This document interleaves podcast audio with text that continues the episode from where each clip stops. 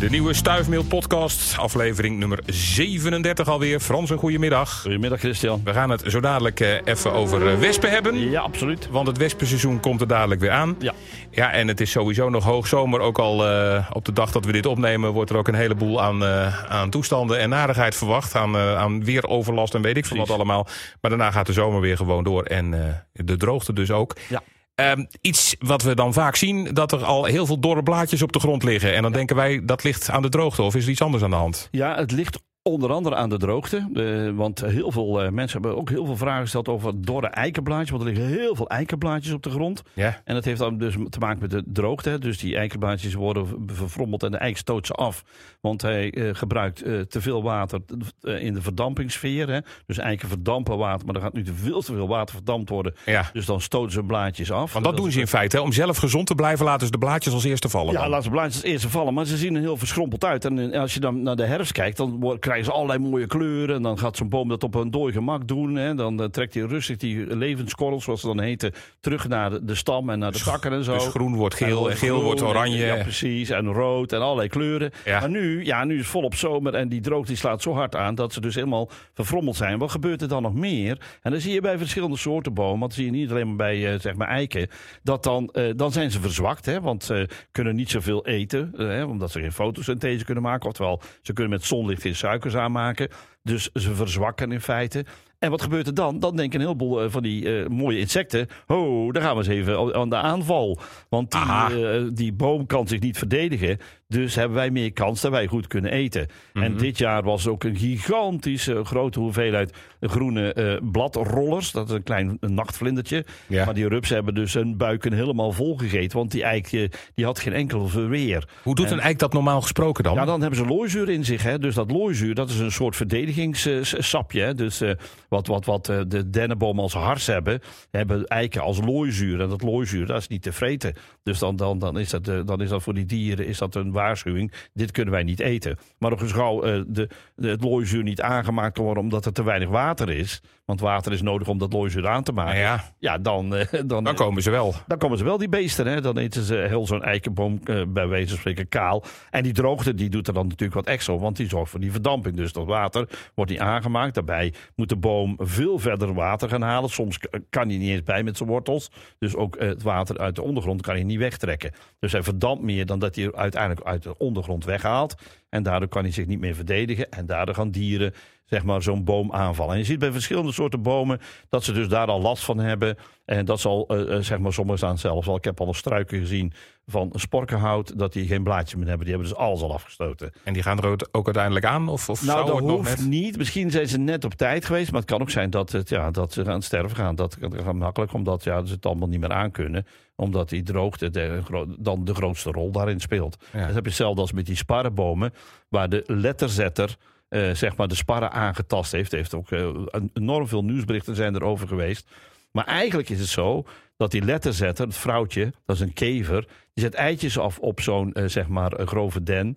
En die eitjes, of in dit geval op zo'n spar, en die eitjes worden dan ingekapseld in hars. Want die boom denkt, bekijk het maar, ik, Mhm. ik ga hem, eh, die, die ik niet uit laten komen. Die gooit er hars overheen. Maar als zo'n boom geen hars aan kan maken, omdat hij geen water kan trekken, dan, hè, de droogte, dan gaat zo'n eh, letterzetter vrouwtje door en die zet overal eitjes neer. En weer andere vrouwtjes ook. Dus binnen een mum van tijd zit heel zo'n boom onder de schors dan, zitten dan die larven van de letterzetter en die vreten dan alles op en dan sterft zo'n boom. Ja, Dus de verdediging van bomen wordt nu erg aangetast door die droogte. maar de letterzetters die vaart er wel bij, bij die droogte dan. Ja, de letterzetter wel. En, en de groene bladrol, eh, zeg maar, vlinder ook, ook. ja. Eh, Die, eh, die, die heeft een een groene bladroller, die heeft er heel veel plezier van gehad. Want die hebben de buikjes vol gegeten. Maar ja, voor hen betekent dat ook, als er daar geen eiken meer zijn, nou is dat nog niet zo ver. Zo snel gaat dat ook weer Maar niet. dan, hè? dan is het voor hun ook afgelopen natuurlijk. Hè? Maar zover gaat het gelukkig nog niet. Alhoewel de eik, ik vrees, of ik denk, ik vrees niet. Ik denk dat de eik samen met de beuk langzamerhand ons land gaat verlaten. Omdat het hier steeds warmer wordt. Eh, en die eikenboom, de zomereik die wij hier kennen, Quercus roboer, zoals hij officieel heet, die is 5000 jaar geleden vanuit Spanje hier naartoe gekomen. Eh, waarschijnlijk heeft hij daar ook te warm gehad, dat weet ik niet zeker. Maar 5000 jaar geleden is langzamerhand die eik hier naartoe gekomen. Die groeit niet meer in Spanje, maar groeit wel hier. En vermoedelijk heeft dat te maken met het warmer worden van het klimaat daar. En is hij daarom hier naartoe gekomen. Hij zocht een meer gematigd klimaat. Juist, en dat kunnen wij hem dan straks ook niet meer bieden. Kunnen we straks ook niet. bieden, want wij gaan steeds warmer worden. Ja. En Ja. Dus ver- vermoedelijk gaan beuk en eik. Maar ja, weet je, Christian, dat zullen wij nooit meemaken. Nee, want eh, dat dat, duurt- heel lang. Niet, niet in dit leven. Nee, je, weet, je weet nooit wat er Misschien in een nog... ander leven als groene eikenbladroller. Oh ja, weet. of als zo heet zo'n beest ook weer, wat je net zei, zo'n kever. Eh, de, de letterzetter. De letterzetter. Ja, ja, maar die, die komt niet op eiken voor, die komt alleen op sparren voor. Oké, ik vind het trouwens ook wel een leuke vraag. Zal ik die nu stellen? Mag je hem volgende week beantwoorden? Als jij in een volgend leven terug mag komen als plant of als dier of als boom, Ja. wat zou dat dan zijn? Oké. Daar ben ik wel benieuwd naar. Ja, volgende, week, wel zeggen. volgende week komt het antwoord. Dat is nog even een kleine cliffhanger voor de volgende keer. Nou is het wel zo, met, eh, als we het nu over de droogte hebben... dat het komende week waarschijnlijk wat natter is. Dan komt er eh, vandaag eh, wel heel veel tegelijk waarschijnlijk. Ja.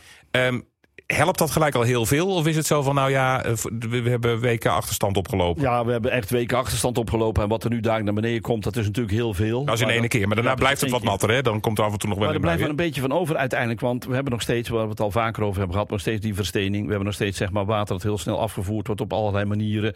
Eh, en wat het, het grondwaterpeil is heel erg laag. Dus het zakt ook heel ver naar beneden toe.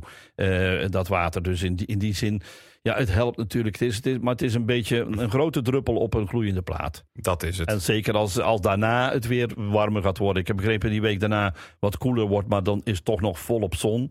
Eh, dan gaat het ook niet echt verbeteren. Deze ene stortbui die is dan massaal. Eh, maar die is niet voldoende om zeg maar, de droogte helemaal weg te werken. Wat de natuur eigenlijk wil, is dat het gewoon pokken weer wordt. Dat wij echt gaan klagen over de zomer. Ja, nou ja, dat, dat één ding. Wat, eh, wat, wat, wat fijn zou zijn, is meer regen inderdaad. eh, Een periode lang. En zeker in de voorzomer had dat moeten gebeuren. Hè, zeg maar in mei en juni. Ehm, en maar daarna eh, ook het water wat wij hier in Nederland hebben. Dat we dat ook vast gaan houden. En dat we ook zorgen dat er de natuur in gaat. Hè, door eh, de regentonnen en regenpijpen af te sluiten. En de regentonnen het water op te vangen. Of rechtstreeks de tuin in te leiden. Dat eh, zeg maar de gebouwen neergezet worden waar ook zeg maar het water van afvloeit in de, in de bodem. En dat we dus meer het wa- regenwater weer terug laten gaan naar de bodem toe. Dat is eigenlijk heel belangrijk. En als we dan over dat noodweer hebben. Nu, op het moment dat wij dit opnemen, is het er nog niet. Nee. Misschien op het moment dat jij het luistert, is het er net geweest. Of viel het reuze mee. Kan ook natuurlijk. Ja. Maar als het echt noodweer wordt in de natuur. Hè, hagelstenen naar beneden, eh, donder, bliksem, heel veel regenwater in één keer. eh, wordt dan de hele natuur weggespoeld? Of zien de diertjes, of voelen, ze het al lang aankomen? En weten ze het al lang? Ja, nou kijk, als je, als je het hebt over de bomen en planten en zo, ja, die hebben het lastig, want die kunnen niet weg. Dat is één ding nee, nee, Dus die worden, als het hagelstenen zijn, ja, dan gaan eh, een aantal soorten toch al eh, kapot ge- gegooid worden, om het zo maar te zeggen. Ja. Maar eh, dieren, ja, die voelen het op tijd aankomen. Ehm, en die proberen zich dan eh, een schuilplek te vinden. Dat doen ze dan in onder zeg maar, afdakjes, onder, in schuren, in, in, in, hooibalen, weet ik veel allemaal. Maar ook in hagen, hè, dichte hagen. Daarom zijn hagen zo belangrijk. En daarom moeten wij Nederland nog veel meer gaan behagen. Omdat we dan schuilplaatsen kunnen geven aan die dieren. Want ook de hitte eh, is belangrijk voor hen. Dus eh, een plotseling regenbui met hagel en alles erop en eraan. Maar ook hitte is vaak voor die dieren fijn om te gaan schuilen in hagen of dichte, dichte boomsoorten die wij ook hebben in Nederland. Dus die dieren voelen daar van tevoren aan. Ook de macrofauna, hè, dus de insecten en alle andere geleedpotigen, die, die gaan ook eh, zeg maar schuilplaatsen zoeken. Maar ja, als je dan ook te laat bent, wat natuurlijk in de dierenwereld ook wel eens gebeurt, is niet alleen in de mensenwereld, Nee. dan, ja, dan, dan, dan tref je het niet. Ik bedoel, als je als lieve heersbeetje op een blaadje zit en er dondert een paar van die eh, hagelstenen naar beneden Zo'n dikke dan, eh, pingpongbal, dan is het dan is klaar. afgelopen. Ja. Dan vliegt hij eerst de lucht en dan knalt hij naar beneden toe, want dan red je het echt niet meer. Nee. En dat zie, dat zie je met andere soorten ook als vogels te laat zullen zijn. En niet op tijd gaan schuilen, dan hebben ze ook heel veel problemen. Ik denk dat vooral gierzwaluwen hoog de lucht ingaan, boven de wolken. Hè, de gullen ze zich eh, gaan vermaken. En andere soorten die gaan zo snel wegkruipen tegen bomen, stammen aan. Of in de dichte kronen. Of ook weer in hagen. Dan heb je het over de kleinere vogels. Ja. Ja. Ja. En als je dan voor de grotere dieren hebt, bijvoorbeeld een, een, een hert of zo, want daar kom je natuurlijk in Brabant ook nog wel. eh, Ja, nou, wat, doet die eh, nou? Want die kan natuurlijk niet in Hagen zitten. Nee, nee precies. Dat, dat is wat lastiger voor die grotere dieren. Eh, ja, die hebben hetzelfde als mensen. Die proberen zich dan te drukken op de grond. Wat mensen al ook moeten doen als ze dan toevallig in het bos zijn. Ja. Op de grond drukken natuurlijk. En niet onder een boom gaan zitten. Nou, dat doen dieren ook. In, of in, in, in, in, in, in, zeg maar in legers gaan liggen. Hè, dus schuilplaatsen die ze zelf gemaakt hebben. Of in, in, in sloten of zoiets. Hè, maar dan droge sloten natuurlijk. Eh, om, om een beetje te schuilen tegen die, die heftige zeg maar, ja, neerslag in één keer. Ja, ja. Eh, dus die zoeken toch wel plekken op. Kijk, en in het bos is het voor hen ook wel prima. eh, omdat zeg maar, eh, die regen die naar beneden stort en die hagelsteen die naar beneden storten. Ja, die worden wel afgeremd door al die takken en eh, zeg maar blaadjes natuurlijk. Eh, maar goed, in liggen ze een open plek. Ja, dan is het wat lastiger natuurlijk. Dus, en konijnen schieten hun konijnenpijpen in. Eh, eh, hazen die zullen het ook wat moeilijker hebben, want die, liggen, ja, die hebben eigenlijk niet een schuilplek. Maar die zullen zich ook drukken. en proberen misschien zelfs onder struiken te gaan liggen. Zodat in ieder geval de remming erop zit op die, eh, zeg maar, die snelle neerslag. En zo reageert de natuur dan. Hè? Ja.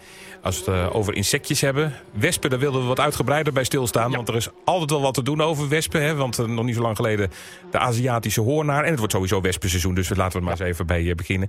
Zullen we eerst even over die Aziatische hoornaar? Want een paar weken geleden was echt... alle kranten stonden er vol van. Wij hebben het er ook over gehad. Over, Alle media hadden het erover. De Aziatische hoornaar die kwam binnen. een, een, een, laten we zeggen, grote killerwesp die de, de honingbijtjes aanvalt. En, Ja. eh, en, en de verstuiving kwam in, in gevaar.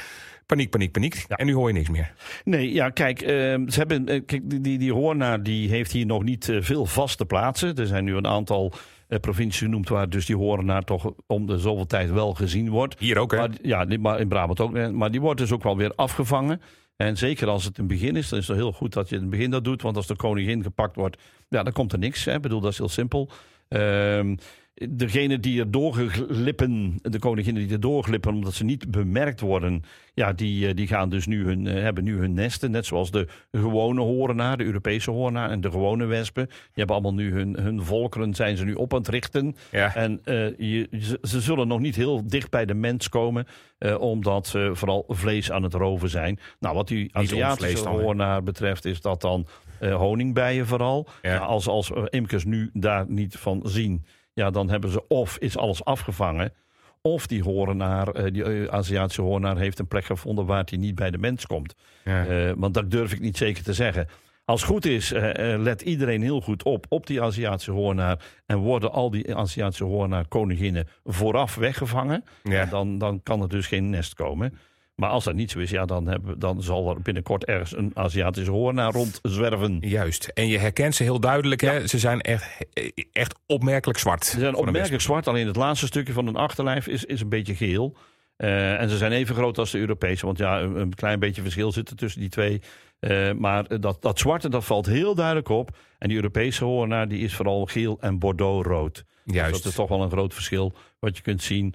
Eh, als je zo'n beest op je raam ziet of in de buurt van je bloemen ziet, dan, eh, dan kun je dat verschil toch heel duidelijk zien. Ja, en als je dus die, die, echt die zwarte ziet, met alleen een geel achterstukje, dan eh, volg waar die naartoe gaat. Ja. En, en er zijn verschillende meldpunten waar je het kunt melden. Ja, je kunt in eerste instantie al melden dat hij bij jou in de tuin is geweest. Dat Ja. zou ik sowieso al doen. En als je kunt, ja, het is wel lastig soms, want soms vliegen ze ook heel ver weg en dan kun je het ook niet meer volgen. Maar als Nee. je een beetje in de gaten houdt welke richting dat hij op gaat. En als je een beetje in de gaten kunt houden, je kunt hem een klein stukje achterna lopen. eh, want soms zit er een nest vrij dichtbij, soms ook niet, maar dat ligt er maar net aan. Eh, en dan geeft dat wel aan welke richting dat hij op aan het vliegen is geweest. Want dan kunnen dus andere professionele mensen daar eens een keer achteraan gaan. Juist, het is eh, van belang, want het Ja. is een tamelijk schadelijk diertje voor ja, absoluut. Ja, voor, zeker voor de imkers. Zeker voor de imkers en, eh, en het volkje, eh, de bijen die onder de imker vallen. Ehm, eh, meer over wespen. Wat heb je, behalve die hoornaar, heb je één type wesp of zijn er ook weer twintig schakeringen of Nou, veel er zijn heel, heel veel wespen. Alleen niet alle wespen zijn dus de, de limonadewespen, zoals wij dat zeggen. Er zijn dus echt heel veel soorten wespen. Je hebt galwespen. Ja. Je hebt zeg maar, allerlei zeg maar, sluipwespen. Allerlei eh, g- eh, graafwespen. Die zijn er ook allemaal. Die horen allemaal bij die ene hele grote familie. Alleen eh, zeg, of een grote orde, zo moet ik in feite Ja. zeggen. Alleen de familie waar het om gaat. De Vespa-familie. De Vespa. Vespa heette die, ja. Ja. Dat is grappig, hè? Zo is dat. Ja, dat waren ook, wat waren dat? Scootertjes. Scootertjes. Ja, ja. inderdaad ook. En die, die, die snorden als, als een wesp. Vandaar Oh, die zijn daarom ook genoemd. Oh, oké. precies. Dat wist ik niet, joh. Maar goed, in ieder geval die Vespa's, die, die, die familie, waar dus zeg maar de Duitse wesp bij hoort en de gewone wesp bij hoort, en nog andere soorten, die eh, zijn dus inderdaad zeg maar eh, nu volop hun nesten aan het bouwen. Er zijn er een tweetal bij, dat is de eh, Franse veldwesp en de bergveldwesp. Die lijken heel veel op de gewone wespen, maar die hebben langere poten. En die maken er kleinere nestjes. Hè. Dus kleinere eh nest. in, eigenlijk als ze in een kastje ziet zitten, is het een, is een paraplu met twee laagjes. Terwijl als je zo'n, zeg maar, echte van de gewone wesp een, een nest ziet, dan is dat ook bijna groot als een voetbal. Dus zo'n zo'n mooie, grote, dan hangende, verticale voetbal. Zo moet je het in feite Zo. zeggen. Helemaal grijs, want het is allemaal papier maché wat ze maken. Oftewel, ze kouwen hout en dan maken ze hun prachtige structuren en prachtige bouwwerken van. Nou, eh, we zitten nu in het begin van de zomervakantie. Hè, dus dat betekent Ja. inderdaad dat die wespen nog, nog aan het bouwen zijn. Maar straks dan gaan ze dus zeg maar inderdaad eh, op, op vliegen. En dan krijg je het grote probleem. Want de mensen vragen zich af, ja, is die wesp dan agressiever dan een bij? Nee, absoluut niet. Een, een- wesp is niet agressiever dan een bij. Alleen, eh, een wesp kan eerder gaan steken dan een bij. Waarom? Omdat als een bij steekt, gaat hij zelf dood. Want die bijen hebben angels met Ja. weerhaakjes. Ja. En als je in onze huid prikken, dan gaat er dus niet alleen maar die angel in blijven zitten, maar een stuk van het achterlichaam, een darmstukstelsel. Ja. En dat betekent dus dat die bij liever niet steekt, want hij weet dat hij doodgaat. Of zij, want het zijn allemaal vrouwtjes in feite. Nou, wat gebeurt er bij de gewone wesp? Ja, die, eh, en, en de Duitse wesp, die hebben angels, die zijn glad. Dus ze kunnen meerdere keren steken. En als ze dus zeg maar eh, agressief zijn, dan, zeg maar, dan gaan ze dus meerdere keren ook zo iemand steken. Ja. Ik heb het zelf een keer ervaren toen ik als klein jongetje van een jaar of zeven in een eh, gaatje stond te plassen. Want ik vond het leuk om in dat gaatje te plassen. Maar dat bleek Ja. dus een grondwespennest te zijn. Oh. Ik had ze tot in mijn onderbroek en mijn moeder heeft ze eruit moeten plukken. Gewoon. maar die Oh, bleven oh. steken. Ik zat vol met bulten. Maar dat doen ze dan dus ook. Hè. En wat ze dus ook doen is in feite als jij nou een wesp in jouw eh, omgeving doodslaat. En je laat die bij jou in de buurt liggen. Dan komt er een geur los Ja. waarop de andere wespen agressief worden. Dus hoe meer wespen jij doodslaat, Ja. hoe meer kans is dat wespen naar jou toe komen. Want die Oké. pheromonen, die geven die geur af. En dan worden de wespen die in de buurt zijn, die worden agressief. Dus je moet nooit een wesp eigenlijk doodslaan. Het beste Nou, is dat je... ja, ja. Ja, ja, nou ja, goed. Ja, als je bij mij binnenkomt, eh, Frans. Ja, maar je, kijk, je kunt beter ze afvangen. Dat is veel beter. Kijk, omdat, omdat ze dan geen pheromonen afsturen. Eh, bijvoorbeeld in, in, in, in, in, in, in, in- er zijn tegenwoordig van die hele mooie wespenvangers... waar dus eh, allerlei zoetstoffen in zitten. En als daar de wespen op afvliegen, ja, dan gebeurt er dus niks. Want dan gaan ze alleen maar daar naartoe. Ja. Maar als jij ze doodslaat en je laat ze in de buurt liggen... dan komt die geur, die stijgt op en komt naar, eh, naar die wespen toe. En dan komen ze naar jou toe. En dat is Dus niet dan- fijn. Dat, dat lijkt me niet fijn, want dan krijg je nog meer zeg maar aanvallen van wespen. Maar wat doen we met het lijk, Frans? Ja, nou ja, Als het wel gebeurd is? Als het wel gebeurd is, dan zou ik het zo ver mogelijk weggooien. En in de vuilnisbak doen, dat helpt Nou, niet, want doen, want, eh, dat dan- ruiken ze dan- nog. Nee, want die geur die is heel sterk. Die gaat er gewoon doorheen. Oh jee, ja. Ja, ja, verbranden kan ook, maar dat is natuurlijk raar dat je zo'n klein li- lijkje gaat verbranden. Je kunt beter zorgen dat, eh, dat je niet dood hoeft te slaan. Dat is nog veel Oké, beter. maar als het wel is gebeurd, zorg ervoor dat je hem Nou, niet voorlopig eh, heb ik dus daar nog geen last van, hè, die, eh, die eh, wespen, om eh, zeg maar te zeggen. Omdat Ja. die wespen eh, eh, nu vooral bezig zijn om vlees te stelen. Eh, en dat is dan vliegen, dazen en alles wat wij voor ons lastig kan zijn. Eten zij dus ook, oh ja, pakken ze aan. Eten niet echt op, want ze kauwen het fijn. Ja. Gaan naar het eh, nest toe en geven het daar aan de larven die gevoed worden door die vrouwtjeswespen. Wat doet dan die larve? Want dat maakt het dus juist bijzonder waarom wij zo, waarom ze later zo doel zijn op zoetgoed. Die larve trakteert de, de vrouwtjeswespen die hun voedsel geven. Dus de vrouwtjeswesp komt binnenvliegen, Ja. geeft zo'n larve gekoud voedsel. Ja. En wat doet dat larfje? Dit draait zich om en geeft een belletje zoetstof aan die wesp. Die gaat dan meteen weer in functie. Ik denk, wauw, dat is wel lekker. Dat Dit snoepje- gaan we vaker doen. Dat snoepje van de week, hè? je kent dat van de ruiter. Ja. Dus die gaat, eh, die gaat nog een keer op pad om nog meer van het spul te halen. Want hij nog meer van die zoete belletjes krijgt. Maar op een gegeven moment is zo'n volk klaar. Dan is er geen enkele larve meer. Hè, want dan zijn alle larven ook uitgevlogen. En dan gaan die vrouwtjeswespen op zoek naar zoetgoed. En waar ligt dat dan? Bij ons. op tafel. Eh, we hebben van alles klaarstaan.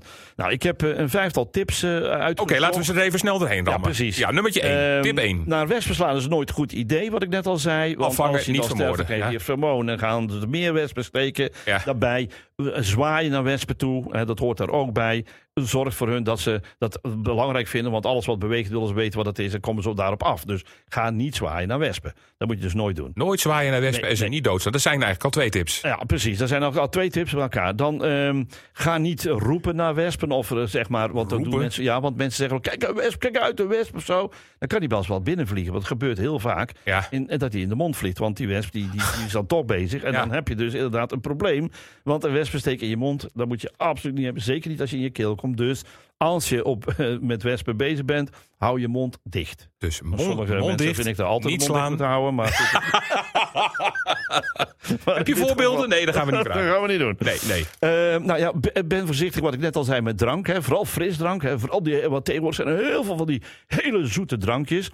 En vergis je niet, als je glaasje leeg is of je flesje leeg is, dan zit er nog heel veel zoetstof aan dat glaasje of in die eh, flesjes. En dat ruiken die wespen. Die komen daar dus op af. Dus als je eh, zeg maar niet te veel wespen op je terras wilt hebben, spoel dan in ieder geval zeker een paar keer uit. Of zet meteen het flesje, als je ingeschonken hebt, ver weg, dat hij niet bij jou in de buurt staat. Dat is ook belangrijk.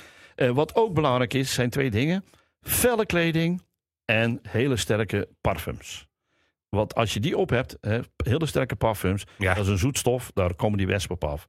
Felle kleding, we hebben het ook al vaker gezegd, alle dieren hebben daar een, een, een behoefte aan om daarop af te gaan. Hè, buizers die mensen aanvallen, die snel zijn met hun eh, trainingspakken, met felle kleuren, dan vallen de buizen aan. Maar ook wespen die felle kleuren zien, die denken dat het een soort eh, bloem is of dat het een soort iets waar ze op af kunnen vliegen.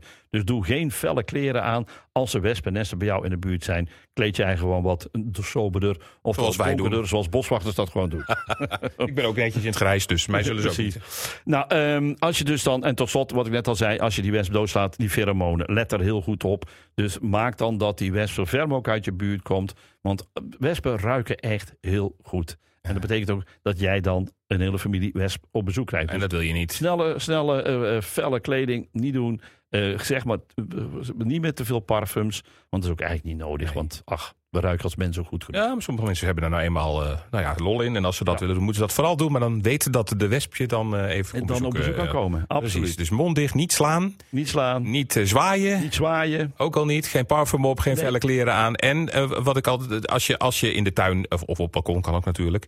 Eh, als je eh, nou een eentje van je vandaan iets aan, aan een, een, een, oude appel neerlegt of wat dan ook, gaan ze dan daar naartoe en niet naar jou? Nou, eh, appels dat niet zo gauw, doen Nee. ze wel, maar... eh, Andere dingen dan? Ja, eh, goed, zoetig, zoetig fruit. Dat vinden ze lekker, de appel. eh, Of je moet een hele zoete appel Ja, ja, ja, ja. Ook, ja dat- maar leg dat dan wel verder weg, want op een bepaald moment eh, krijg je dan te veel van die wespen. Dan gaan ze ruzie maken. Ja. En als jij dan parfum op hebt, bij wijze van spreken, die zoete ruik, Komen ze toch? dan komen ze toch op je af. Dus Ja, ja. eh, je kunt dat beste, zeg maar, eh, eh, dan die, die wespenvangers gaan halen, waar ze dus ook niet meer uit kunnen.